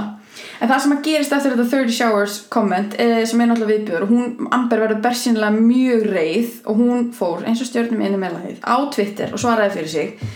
Og ég ætla ekki að verja það, það var ekki fallegt og algjör óþarfi en ég skil hvaðan hún kemur það sem hún er einmitt bara, ó, þú veist, var ég svona ógísleg að ég, þú ert að fyrir styrtu eftir mig en þú ert að deyta Kim og hún leiði einhverjum gaur að kömmi yfir andlita á sér og tók að því sextape, skilur, Já, what's the já. difference? já, já, þú veist, sem er alveg svona að það er smá valid point. Já, akkurat þú þurfti kannski ekki að segja það á Twitter Nei, einmitt, en minni, þetta er pínu svona, þú veist, hún er náttúrulega bara hurting og reyna að verja sig já líka bara af hverju, einmitt, af, færðu rauk fyrir því af hverju ég er ógisleiri heldur en hún? Já, það er ekki hægt, Nei. skilur þú veist, við erum bara báðar fínar já, veist, nákvæmlega og hérna eins og sé, bara bersinlega bara fokkin reið og hún mátti vera það Mhm. um, og hún tók það síðan fram í þetta svona rauða tvítum hún tók það fram á þessum þreymur árum síðan þau voru hætt saman þegar þetta komment kemur að hún hafi aldrei opum þremur árum eftir Já, að hætta saman já. oh my Einmitt. god, Kanye einmitt og hann er bara, þú veist, þannig er hann búin að vera með Kim í tvö Já, ár, akkurat. skilur gott ef hún var ekki fokkin ólétt eða eitthvað Mhm. en allavega, hún segir bara kemur með fullt af einhver svona reyðum svörum og svo segir hún bara, á þessum þreymur árum sem við erum búin að vera hætt saman hef ég aldrei snitsað um þig, ég hef aldrei talað um þig ég hef aldrei talað um það sem þú fílar það sem þú vilt. Ég hef aldrei dreigið nýri drulluna. Þú veist, ég hef alltaf sagt bara þú veist, bara þetta voru bara hérna, hvað segir maður, svona differences, þú veist. Bara, við bara hættum saman, skiljum já. og hún hefur alltaf reynd að halda hlutunum og góðum á milli þeirra að því hún hafi, hún sagði það because we used to love each other. Mhm þú veist, we used to love each other og þetta finnst mér bara ekki vera það sem að maður gerir við mannesku sem að maður elskaði. Nei, sem er rétt. Já, En uh, slúðupressan fekk náttúrulega field day á þessu og þá er hún náttúrulega bara psykopati og hann er náttúrulega meistari og snillingur. Mhm. Og síðan eftir þetta, árið síðar eftir þetta, snemma 2016, þá gefur Kanye út plötu og lendir einhverjum uh, orðaskiptum við Wiz Khalifa sem var þá giftur Amber og svo þeir eru að rífast um eitthvað mjög ómerkilegt eitthvað nafn á einhverju plötu, eitthvað bla bla og Kanye skrifar til Wiz eitthvað shut up, you let a stripper trap you. Og fyrir að vísa það að Amber hafi verið strippari og eins og það sé það vestaði heimi og að hún hafi eitthvað narrað hann í eitthvað samband og þannig að þau sko svona saman Wiz og Amber. Og Kanye segir síðan bæti við uh, að hérna she got you down for 18 years. Bara she got you trapped for 18 years af því þau eiga batt saman og hún er allt í nú búin að snara hann með vaginunni sinni í eitthvað prógram skilur við Oh my god, Kanye. Og líka bara sorry ok. en já, þetta er bara, já, nei. Þarna fyrir Amber aftur á Twitter og hún eh, hérna rakkar hann Kanye niður og sérstaklega fyrir að blanda síni þeirra hen, hennar og Wiz í þetta. Og er bara, þú veist, hvað er að þér? Bara komdu og talaði við mig, bara please hættu þessu skiluru og það verður allt mjög suppulegt þarna á milli þeirra, þú veist, allt í einu síðan Kim komin inn í þetta og Kylie Jenner er komin í þetta þetta er allt bara mjög suppulegt, skiluru um, og það er í rauninni ekki fyrir en að það byrtist sjálfa á samfélagsmiðlum og ég man líka eftir þessu að ég er all in the drama ég er knee deep in this drama. Ef að Kardashian fjölskyldan hnerrar þá er ég bara hvað? En já, kemur þessi sjálfa og allir sem eru inn í þessu bífi voru bara what the fuck, þetta er selfie af Kim Kardashian og Amber Rose Já, ég held ég muna eftir því. Og allir voru bara excuse me, hvað deep fake shit er þetta? Já, já. en þá ákváðu þær, tvær, að hittast tala saman, hash it out ræða hlutina og bara grafa stríðsexina, skiluru og mættu síðan í viðtöl uh, eftir þetta og voru bara, heyrðu, batnandi fólki er best að lifa. Um, og við erum bara vinkonur núna. Og þannig að þið geti hætt, Já. skiluru sem er alltaf bara líka geðveikt, bara óslega flott Já. og bara, þú veist, you go girls af því að þú mátt skipta um skoðun þú mátt, Og líka bara þetta, við erum bara, heyrðu, þú veist, æ, sorry, við erum fullar af fólki já líka bara við eigum börn og bara, þú veist, please Ok, ef ég að finna hérna, mynd af réttu tvíti þá sérst annars vegar sagði Amber sagði swingers Já. og setti hérna Já. frosk og tebolla eins og mýmið. Og svo sagði hérna Kim sagði tea anyone? Mm -hmm. Elska, I, li I live for this. Þetta er það sem að maður kallar winning the internet Nófamlega um, en já, já, þrátt fyrir þetta allt saman þrátt fyrir allt sem hún hefur gert og allt sem hún hefur sjálf gert til þess að vinna sér inn cool stig þá náttúrulega er hún eða bara drusla og, video ho og ex-stripper og líka sko eitt af það fyrsta sem að kom upp þegar ég googlaði hana var vídeo sem var í alvörunni hétt uh, 17 men who have slept with Amber Rose. Í fyrsta lagi men that have slept with Amber Rose ekki, Ekki- menn sem hún hefur sofið hjá. Nei. þannig að hún er alltaf í orðin einhver vara einhver commodity. Mm og ég bara, ég vil ekki, þetta er ekki þetta var sko leita niðurstann með 5 Já, þú veist, ha? Pirrandi. Mjög pirrandi. Herðu, hún skilur svo við hann Wiz Khalifa og þá náttúrulega uh, hættir hún að vera Wiz Khalifas wife eða Wiz Khalifas girlfriend og verður aftur Kanye's ex-stripper girlfriend eða Wiz Khalifas ex-stripper baby mama. Og baby mama er sem ég vissi ekki fyrir en ég var að gera þetta baby mama er sko mjög niðrandi. Það er sérst notað um þetta er notað í svona svörtum samfélögum fyrir konur sem að eignast börn utan hjónabands úst, og lausarleikskróa sem er alltaf fyrstilega þau voru gift. En þú veist baby mama þetta er svona oh yeah she's his baby mama já, já, já. Og þetta er það sem að líka Kanye er að vísa eitthvað hún er búin að trappa þig hún er með þig, hún er búin að, þú veist she got you for 18 years, Já, skilur já. eitthvað svona hún ætlar að fara að græða á þínu eh, meðlagi eða eitthvað. sem að bara svona skemmtilegt að því ég vissi þetta ekki. Uh, og það gefur mann líka nýja sín á þetta því að þú veist, þannig er ekki bara verið að segja bara móðir barsins hans heldur bara oh, she is baby mom. Já, skilur, já, hún- sem er já. niðrandi. Þannig að það er ennþá verið að tala um hana niðrandi þó að hún sé orðin þó hún hafi verið gift og hafi eignast með honum barn og, og hún hefur oft talað um þetta og þetta gremst henni þetta mjög og hún tala mjög oft og opinberlega um það að hún, þú veist bara bara hvernig bransin er, hún bara ég er búin að gera svo margt, ég er búin að áorka svo mörgu ég er mín ein manneska og þetta er alltaf mín narratífa Já, bara alveg sama hvað, bara there, there's nothing I can do til þess að breyta því, bara svona verið þið bara búin að ákveða að tala um mig. Mhm, um, sem er náttúrulega bara Taylor's oldest time.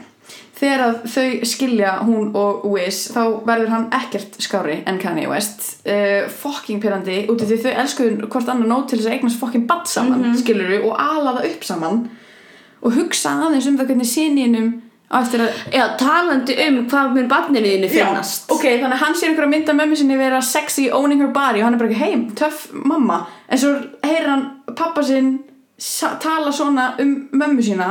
Þú bara ofinberlega Já, og ég ætla bara að segja hann ra- rappar hérna í einu lagi sem hann er að rappa um uh, sérst, er að vitna einhverju svona hoes being passed from man to man at parties og er væntalega að vitna í það að tveir rapparar hafi sofið hjá sömu konni uh, og svo kemur I fell in love with a stripper. Funny thing is I fell back out of love quicker.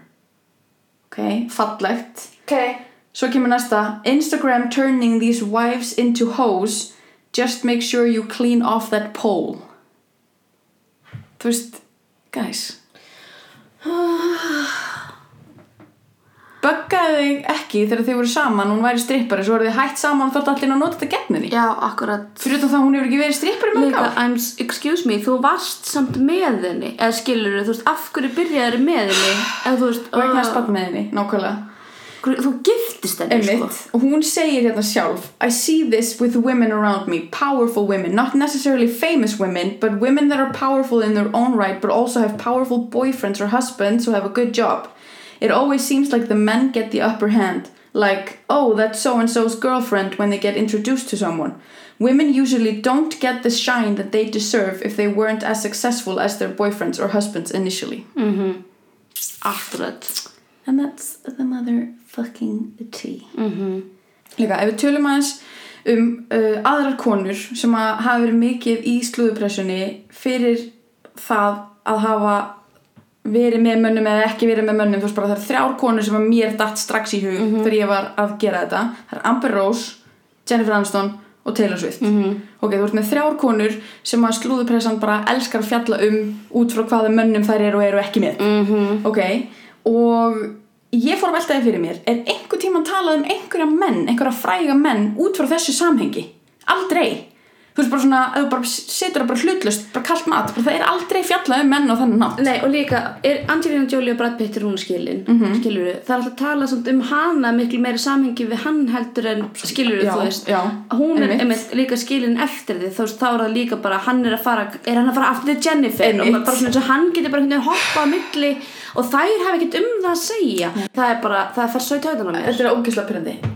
en ef við, ok, pælum aðeins í þessu. Byrjum, á, byrjum á að tala um Taylor Swift.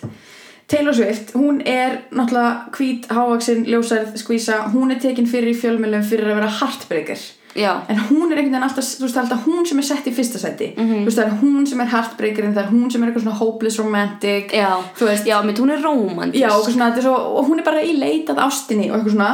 Og það er, þú veist, alveg gefið skinn að hún hafi sofið hjá þessum mönnum en en þau voru alltaf þessi sambandi samt já, og það, meira já, ást. já, já, þetta er alltaf meiri ást eitthvað svona romantík og eitthvað svona hopeless romantic og hún er bara að kissa marga froska til þess að finna prinsessin eitthvað dæmi. Þú veist, jú, jú, auðvitað hefur svo narratífa verið tekin að hún sé eitthvað crazy og þess vegna sé allir að hætta með henni og eitthvað svona. En þú veist, fólk er að miklu meira eitthvað svona rýn í textan hennar og eitthvað svona, ó, hún er að tala um Harry Styles mí, mí, mí, og það er aldrei Harry Styles girlfriend nei, Tom Hiddleston's ex-girlfriend Calvin nei. Harris's ex-singer-girlfriend mm. skiluru hún er í þessu samhengi The Virgin A- ok, mhm. ok uh, Amber náttúrulega, verandi meira sexual og verandi meira opið með það og bara, sorry verandi svört kona og fyrirorandi strippari Mhm.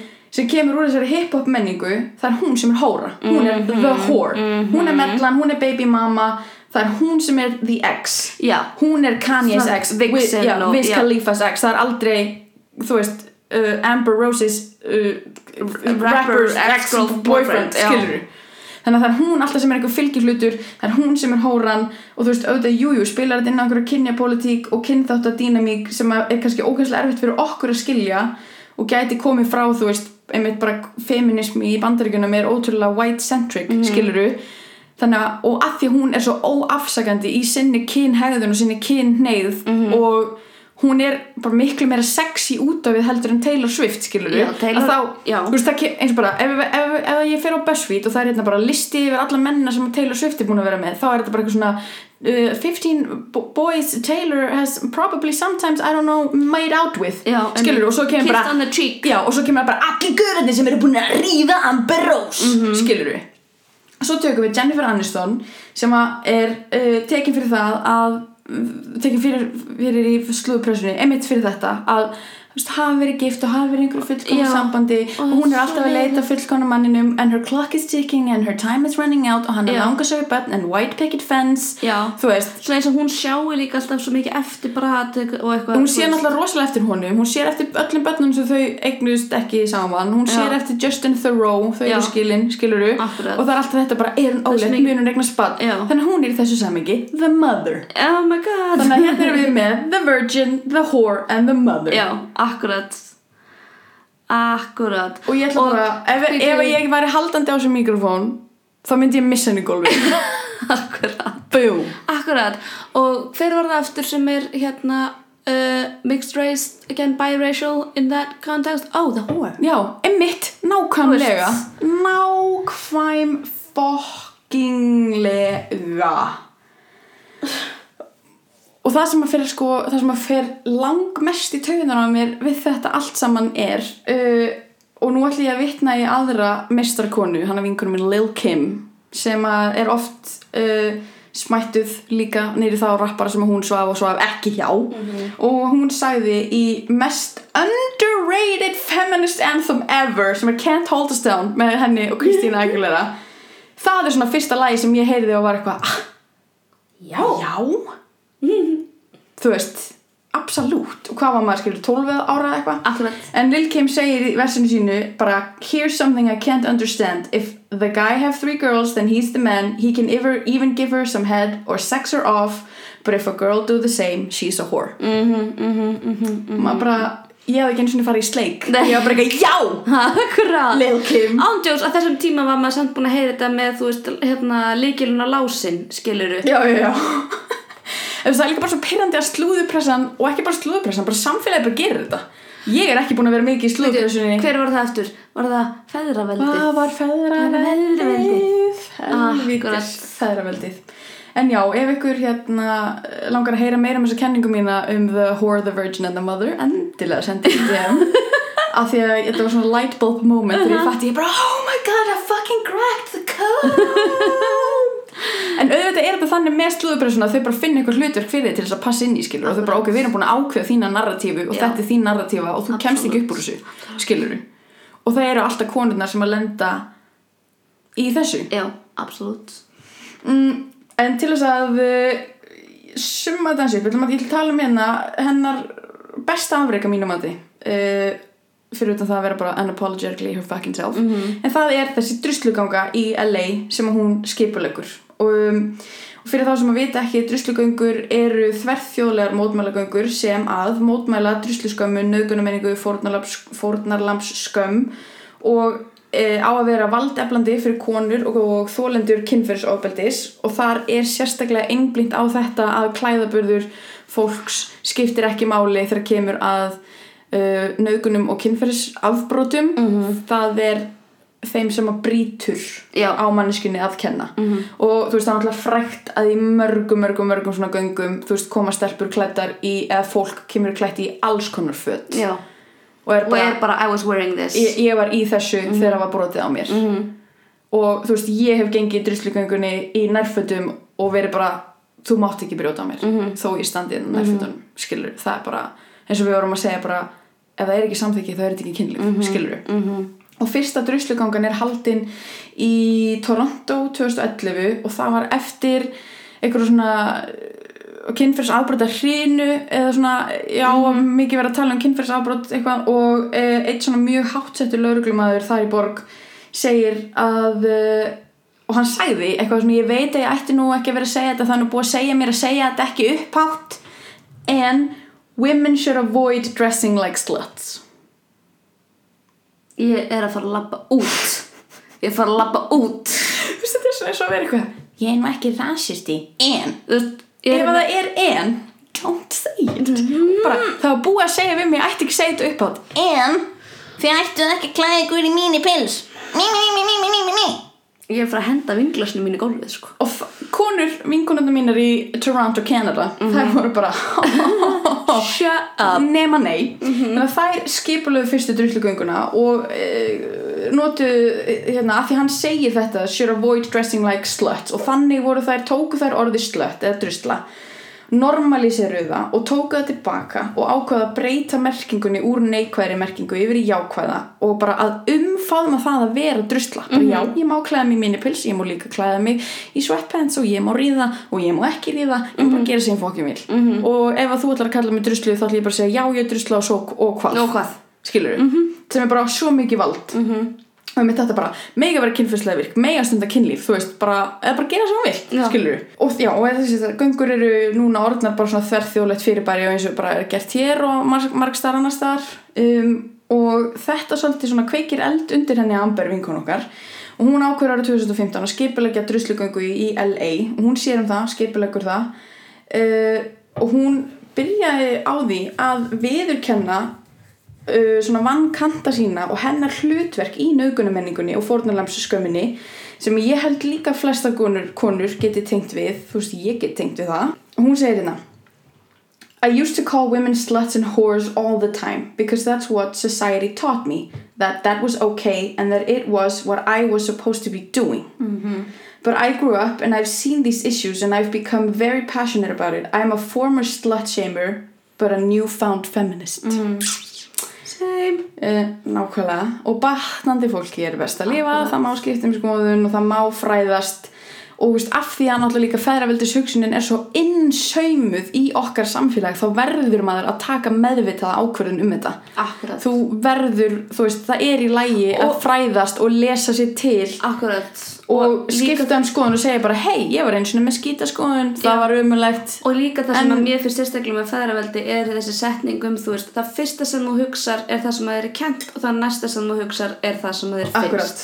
Og fólk hefur stundum tekið og snúið við og sagt það fyrsta sem þú hugsar er, þú veist, your instinct, já, það er það, but your instinct can be wrong, Einmitt, skilur. Þú veist, það er búið að sauma þetta inn í því, þannig að ég hugsa bara, veist, að ég sé einhverja gæli úti og er bara, og ég hvað er, þú veist, í ljótu druslilegu mínipilsi. Og svo kemur næsta, þú veist, það kemur næsta hugsun sem er bara, af hverju ertu og hvað? Já, skilur Who cares? hvað hva lætur mér líða þannig að ég þurfa að segja þetta skilur akkurat. Og það kemur fyrir alla. Það Mhm. kemur fyrir alla oft. Og alveg saman hversu mikil feminist þú ert eða hvað þú búin að vera feminist í lengi. Mhm. it's gonna happen. Það sem að skipti máli er bara how do I move forward ah, skilur við akkurat, hvernig komist við áfram? Já, þú veist, það er bara svo 100% í lægi að viðurkenna mistök, viðurkenna að maður hafi haft rangt fyrir sér, það er ókslega sártur, ókslega vondur, ókslega erfitt Já. en það má, já, skiluru þú mátt alveg viðurkenna það bara hei, ég hafi rangt fyrir mér. Já. og ég vil bara með þessu hvetja fólk sem að þú veist, einmitt, vill ekki skilgrina sig sem feminista, vill ekki mæti druslugönguna út af einhverjum svona hugsunum eða út af einhverjum svona fyrirrennurum skil, eða þú veist, fyrirvörum. Bara hugsaði þið þá bara tvísvar um Já. og ef þú vilt virkilega koma ef þú vilt virkilega taka þátt í þessu múmenti kontu þá bara, já. skiluru það er bara líka að sjá, þú veist, sjá og fræðast um hvað þetta er. Því ég, meni, ég fór í fyrsta skipti í druslugönguna í fyrrna hérna í Reykjavík. Og þú veist, það var bara ágæðslega powerful, þú veist.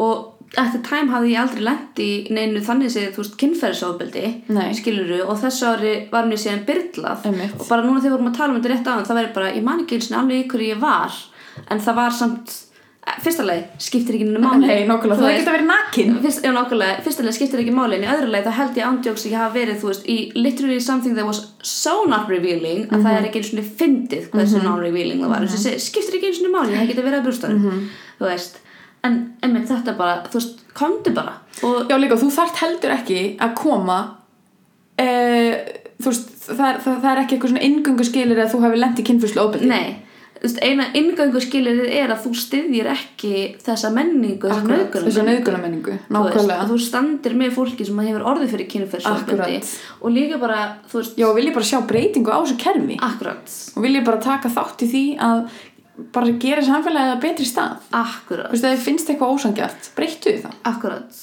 Og sína, þú veist, já, bara, bara það að þú komir bara það að sjá drusligunguna stækka sjá svona stóran hóp mæta, þú veist, það sýnir bara það er þetta stór hópur sem segir bara nei, þetta er ekki læg, og það er alltaf uh, valdeflandi, alveg sama Já. hvað. Hópur er alltaf.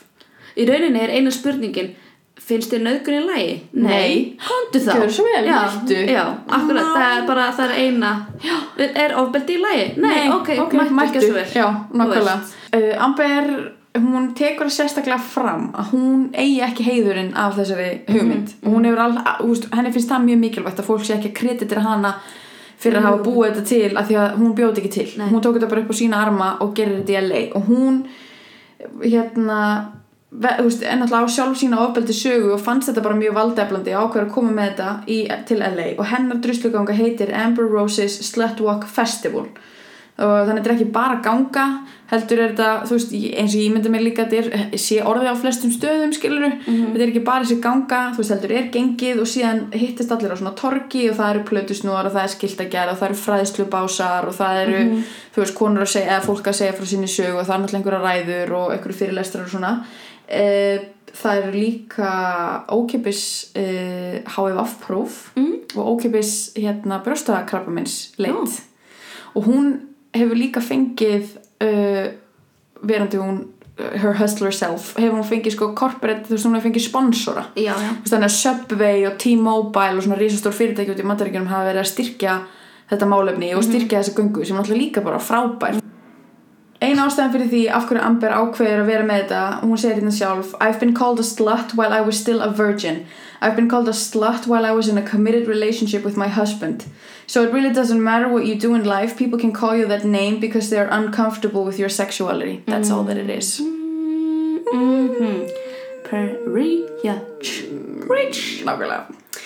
Hún er að gefa svörtum konum, litiðum konum uh, tækifæri, pl pláss bara og tækifæri til að tjá sig af því að feminista hreyfingin og druslugöngur hreyfingin líka feminista hreyfingin í bandaríkjunum og Ameríku fær mjög mikla gaggrinni á sig fyrir að vera rosalega hvít og í hvítum.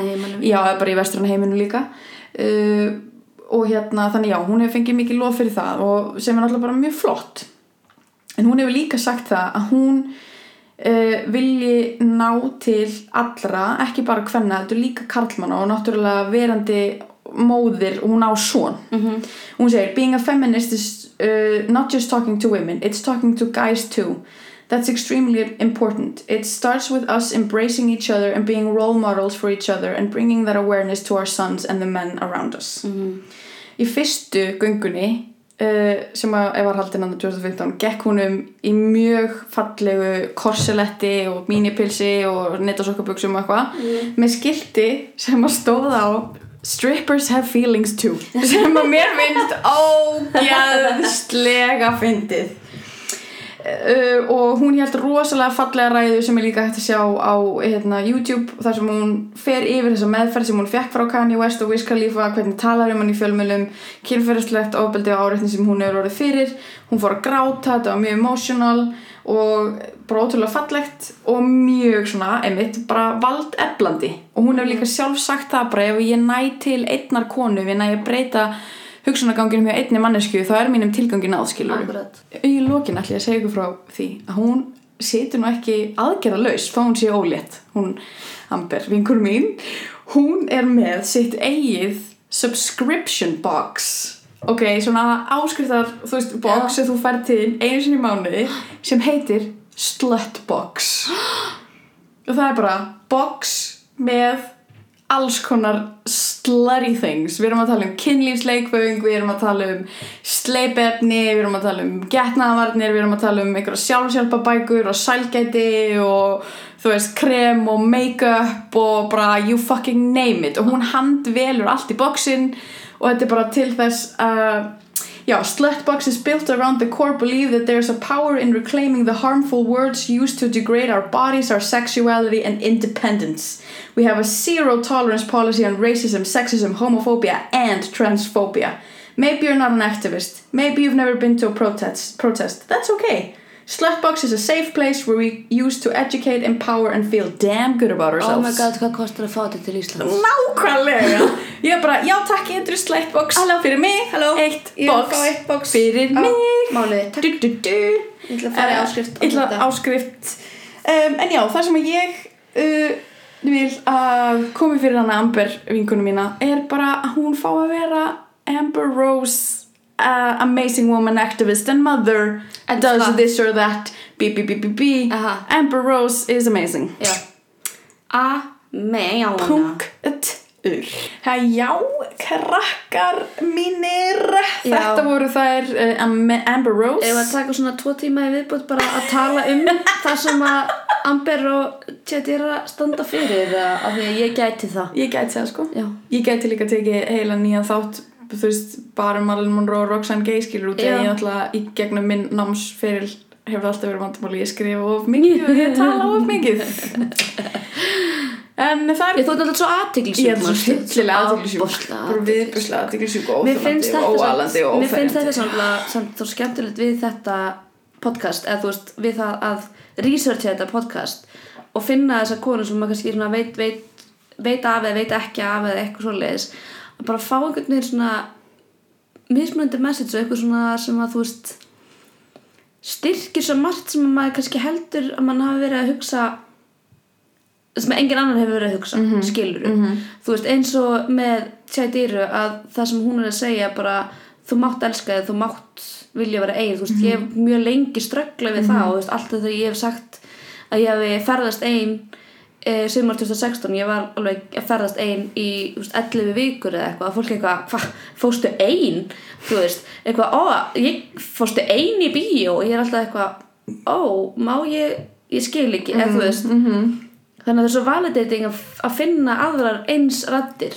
Bara eins og ég var að segja það er bara, þú veist við og þetta, eins og ég hef alltaf sagt í gegnum alla mína aktivista baráttu er bara það er valdeflandi að vera í hóp þú veist, við erum félagsverur já, og okkur finnst óþægilegt að vera einu til hotni með einhverjum svona hugsunum og þess vegna finnst okkur gott að fá einmitt staðfestingu því bara ok ég er ekki eina að hugsa þetta sem því að ég er ekki óeðlileg ég sker mig ekki frá hópnum Akkurat. við erum fleiri sem erum að deila þessari reynslu og við getum Akkurat. talað um það saman Akkurat. af því að at the end of the day þá þarftu alltaf að fá einhvern sem skilur hvað þú ert að tala Mhm. um algjörlega algjörlega, og það er til dæmis það sem ég upplýði svo mikið þegar því ég talaði fyrst um að ætla ekki eignast börn Mhm. þú veist, ég hef oft talað um það gegnum tíðina, fullt af vinum mínu sem að vissu þetta þannig séð, en ég gerði aldrei neitt í því af því að ég vissi ekki annað um öðrum Nei, skilur mig.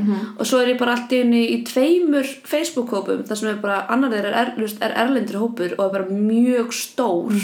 Allt í henni er bara, vá, ég er ekki ein þú Mhm. Nei og veist. bara svona, ó ok, lífið sem mér langar að lifa og ákvarðinu sem ég tek er ekki óeðlilega Nei, út og fyrir einhver kassa og þær eru skilurðu. gildar Já, og, veist, og það er óslega, sumir getur sagt eitthvað svona ó, maður á ekki að þurfa að fá einhverja staðfestingu frá öðrum og bla bla bla, bara punktu pasta þegju við erum félagsverur. This Já, is literally við erum- in our DNA this is what we do. Já, þú veist, við búum í samfélagi það er eins og með þetta með að vera, þú veist, bad feminist, þú veist, ó, er, er ekki feminist að mála sig fyrir stráka, nákvæmlega, get ég ekki verið feminist út af að ég fór í sílikon Já, akkurat, get ég ekki verið feministi af því að, þú veist, ég mála mig að setja mig maskaraðinu fyrir barinn, Já, og raka mig píkuna á undir höndunum Já, skilurðu. akkurat, er, get ég ekki verið feministi af því að ég er eitthvað, oh my god, ég verð að raka mig þenni fyrir að hitta einhvern gaur, eða Mhm, skilur Jú, ég get það, en þú veist, það er alltaf, þetta er alltaf bara spurningum að þú veist, challenge sinn eigin hugsunarhátt. Þú veist, ég til dæmis uh, á tímabili var bara, hefði aldrei farið út úr húsi á þess að rækja myndir höndurum en núna er ég bara, ef ég geri það þá geri ég það, ef ég geri það ekki þá geri ég það ekki mm skilur, en það tók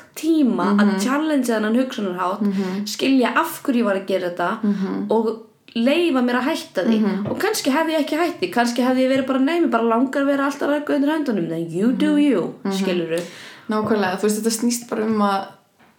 uh, hvað segir maður, þetta snýst um að svona draga hlutina í efa Já. þú veist efast um bara efastu um allt Já. efastu um Akkurat, samfélagi skilurðu. gaggrunin, efastu En á sama tíma þá ertu að taka þátt í samfélagi og það má. Þú mátt taka þátt í samfélaginu Já. og falla undir einhverja staðalímyndir og þú mátt mála þig fyrir einhverja gauðra og þú veist, þú mátt ríða eins mörgum og vill Já, þú veist að mátt, þú mátt í rauninni taka þátt í feðraveldinu vegna þess að þú verður að lifa af skilur -hmm. þú verður að lifa af í því samfélagi sem við erum í og stundum bara getur maður ekki challenge feðraveldi og þá bara er maður að lifa af og svo aðra daga challenge heyrðu, maður það skilur ég halló, meina? Róm var ekki byggð á einum degi sko. akkurat, akkurat. Og það sem að við þetta er bara eins og með, þetta er bara, þetta er öll feministar þetta er bara allar hreyfingar, bara það sem að við erum að gera í dag sem þykir eitthvað ótrúlega radikal og there skilur Mhm. þú veist, það þótti alveg jafn radikal og there að berjast fyrir kostningarétti hvenna, skilur og við getum ekki náð utanum það kannski núna en það sem að feministar að, þú veist bara aktivistar er að fara að gera eftir 10, 15, 20, 30, 40, 50 bla bla Mhm. mörg ár, við getum ekki einu sinni komið í orð að við lifum ekki í þessu samfélagi Akkurat. skiluru, Akkurat. þannig að þú veist það er ekki hægt að býta allt eplið í einu, það er ekki Róm var ekki byggðu í einum degi. Akkurat. Og þú veist, fólk aftur að horfa tilbaka og vera bara oh my god, voru konur, voru þær að kalla sig feminista og þær voru ennþá raksendur höndunum. Eða eitthvað, já, akkurat, al algjörlega. Skiluru algjörlega. Þannig að við erum öll bara hér til að læra. En að því sögðu elsku hjartans hlustendur um, uh, við erum alltaf bara alltaf að læra og við stopnum þetta hlaðvarp til þess að læra og okkur finnst ótrúlega skemmtilegt að fá uh, komment frá ykkur bæði náttúrulega hrós út af því eins og ég sagði. Við erum aðtikli sjúkar hórur Jú, jú. uh, en líka bara ef þið heyrið okkur þú veist, segja eitthvað vittlaust eða fara með einhverjar rang, hérna, rangar staðrindir eða eitthvað bara endilega sendu okkur skilabóð og láti okkur vita og við leiðrættum okkur. Mhm. við erum náttúrulega ekki fullkomnar og please ekki setja okkur upp á einhver uh, feminist pedestal. Við erum bara öll að reyna að gera okkar besta. Já, og ef þið hafið eitthvað til þess að kenna okkur þá erum við hér til þess að læra Jæja, kæri lustendur, þá er komið að lokum í þessum druslu þætti uh, hlaðarfsins kona er nefnd. Við viljum bara þakka ykkur kærlega fyrir að hlusta á okkur og peppa okkur áfram. Við elskum ykkur öll svo ógeðslega mikið. This is the wine talking. já, En samt í alveg, við elskum ykkur öll ógeðslega mikið og ég og Tinna verðum á druslugöngunni næsta lögða 27. júli fyrir utan að byrja hjá Hallgrímskirkju um mm -hmm. tvöletið, endilega mætið snemma komið á peppi ykkur í gang, búið skilti, verið mem, ykkur langur í selfies eða einhandar ártanir, þá verður þið á staðnum. Talandum aðtegli síki hlökkum til að sjá okkur á druslugangunni kæru uh, druslur. Vilir, druslur. Og hvers vegna er það? af því að feðra veldið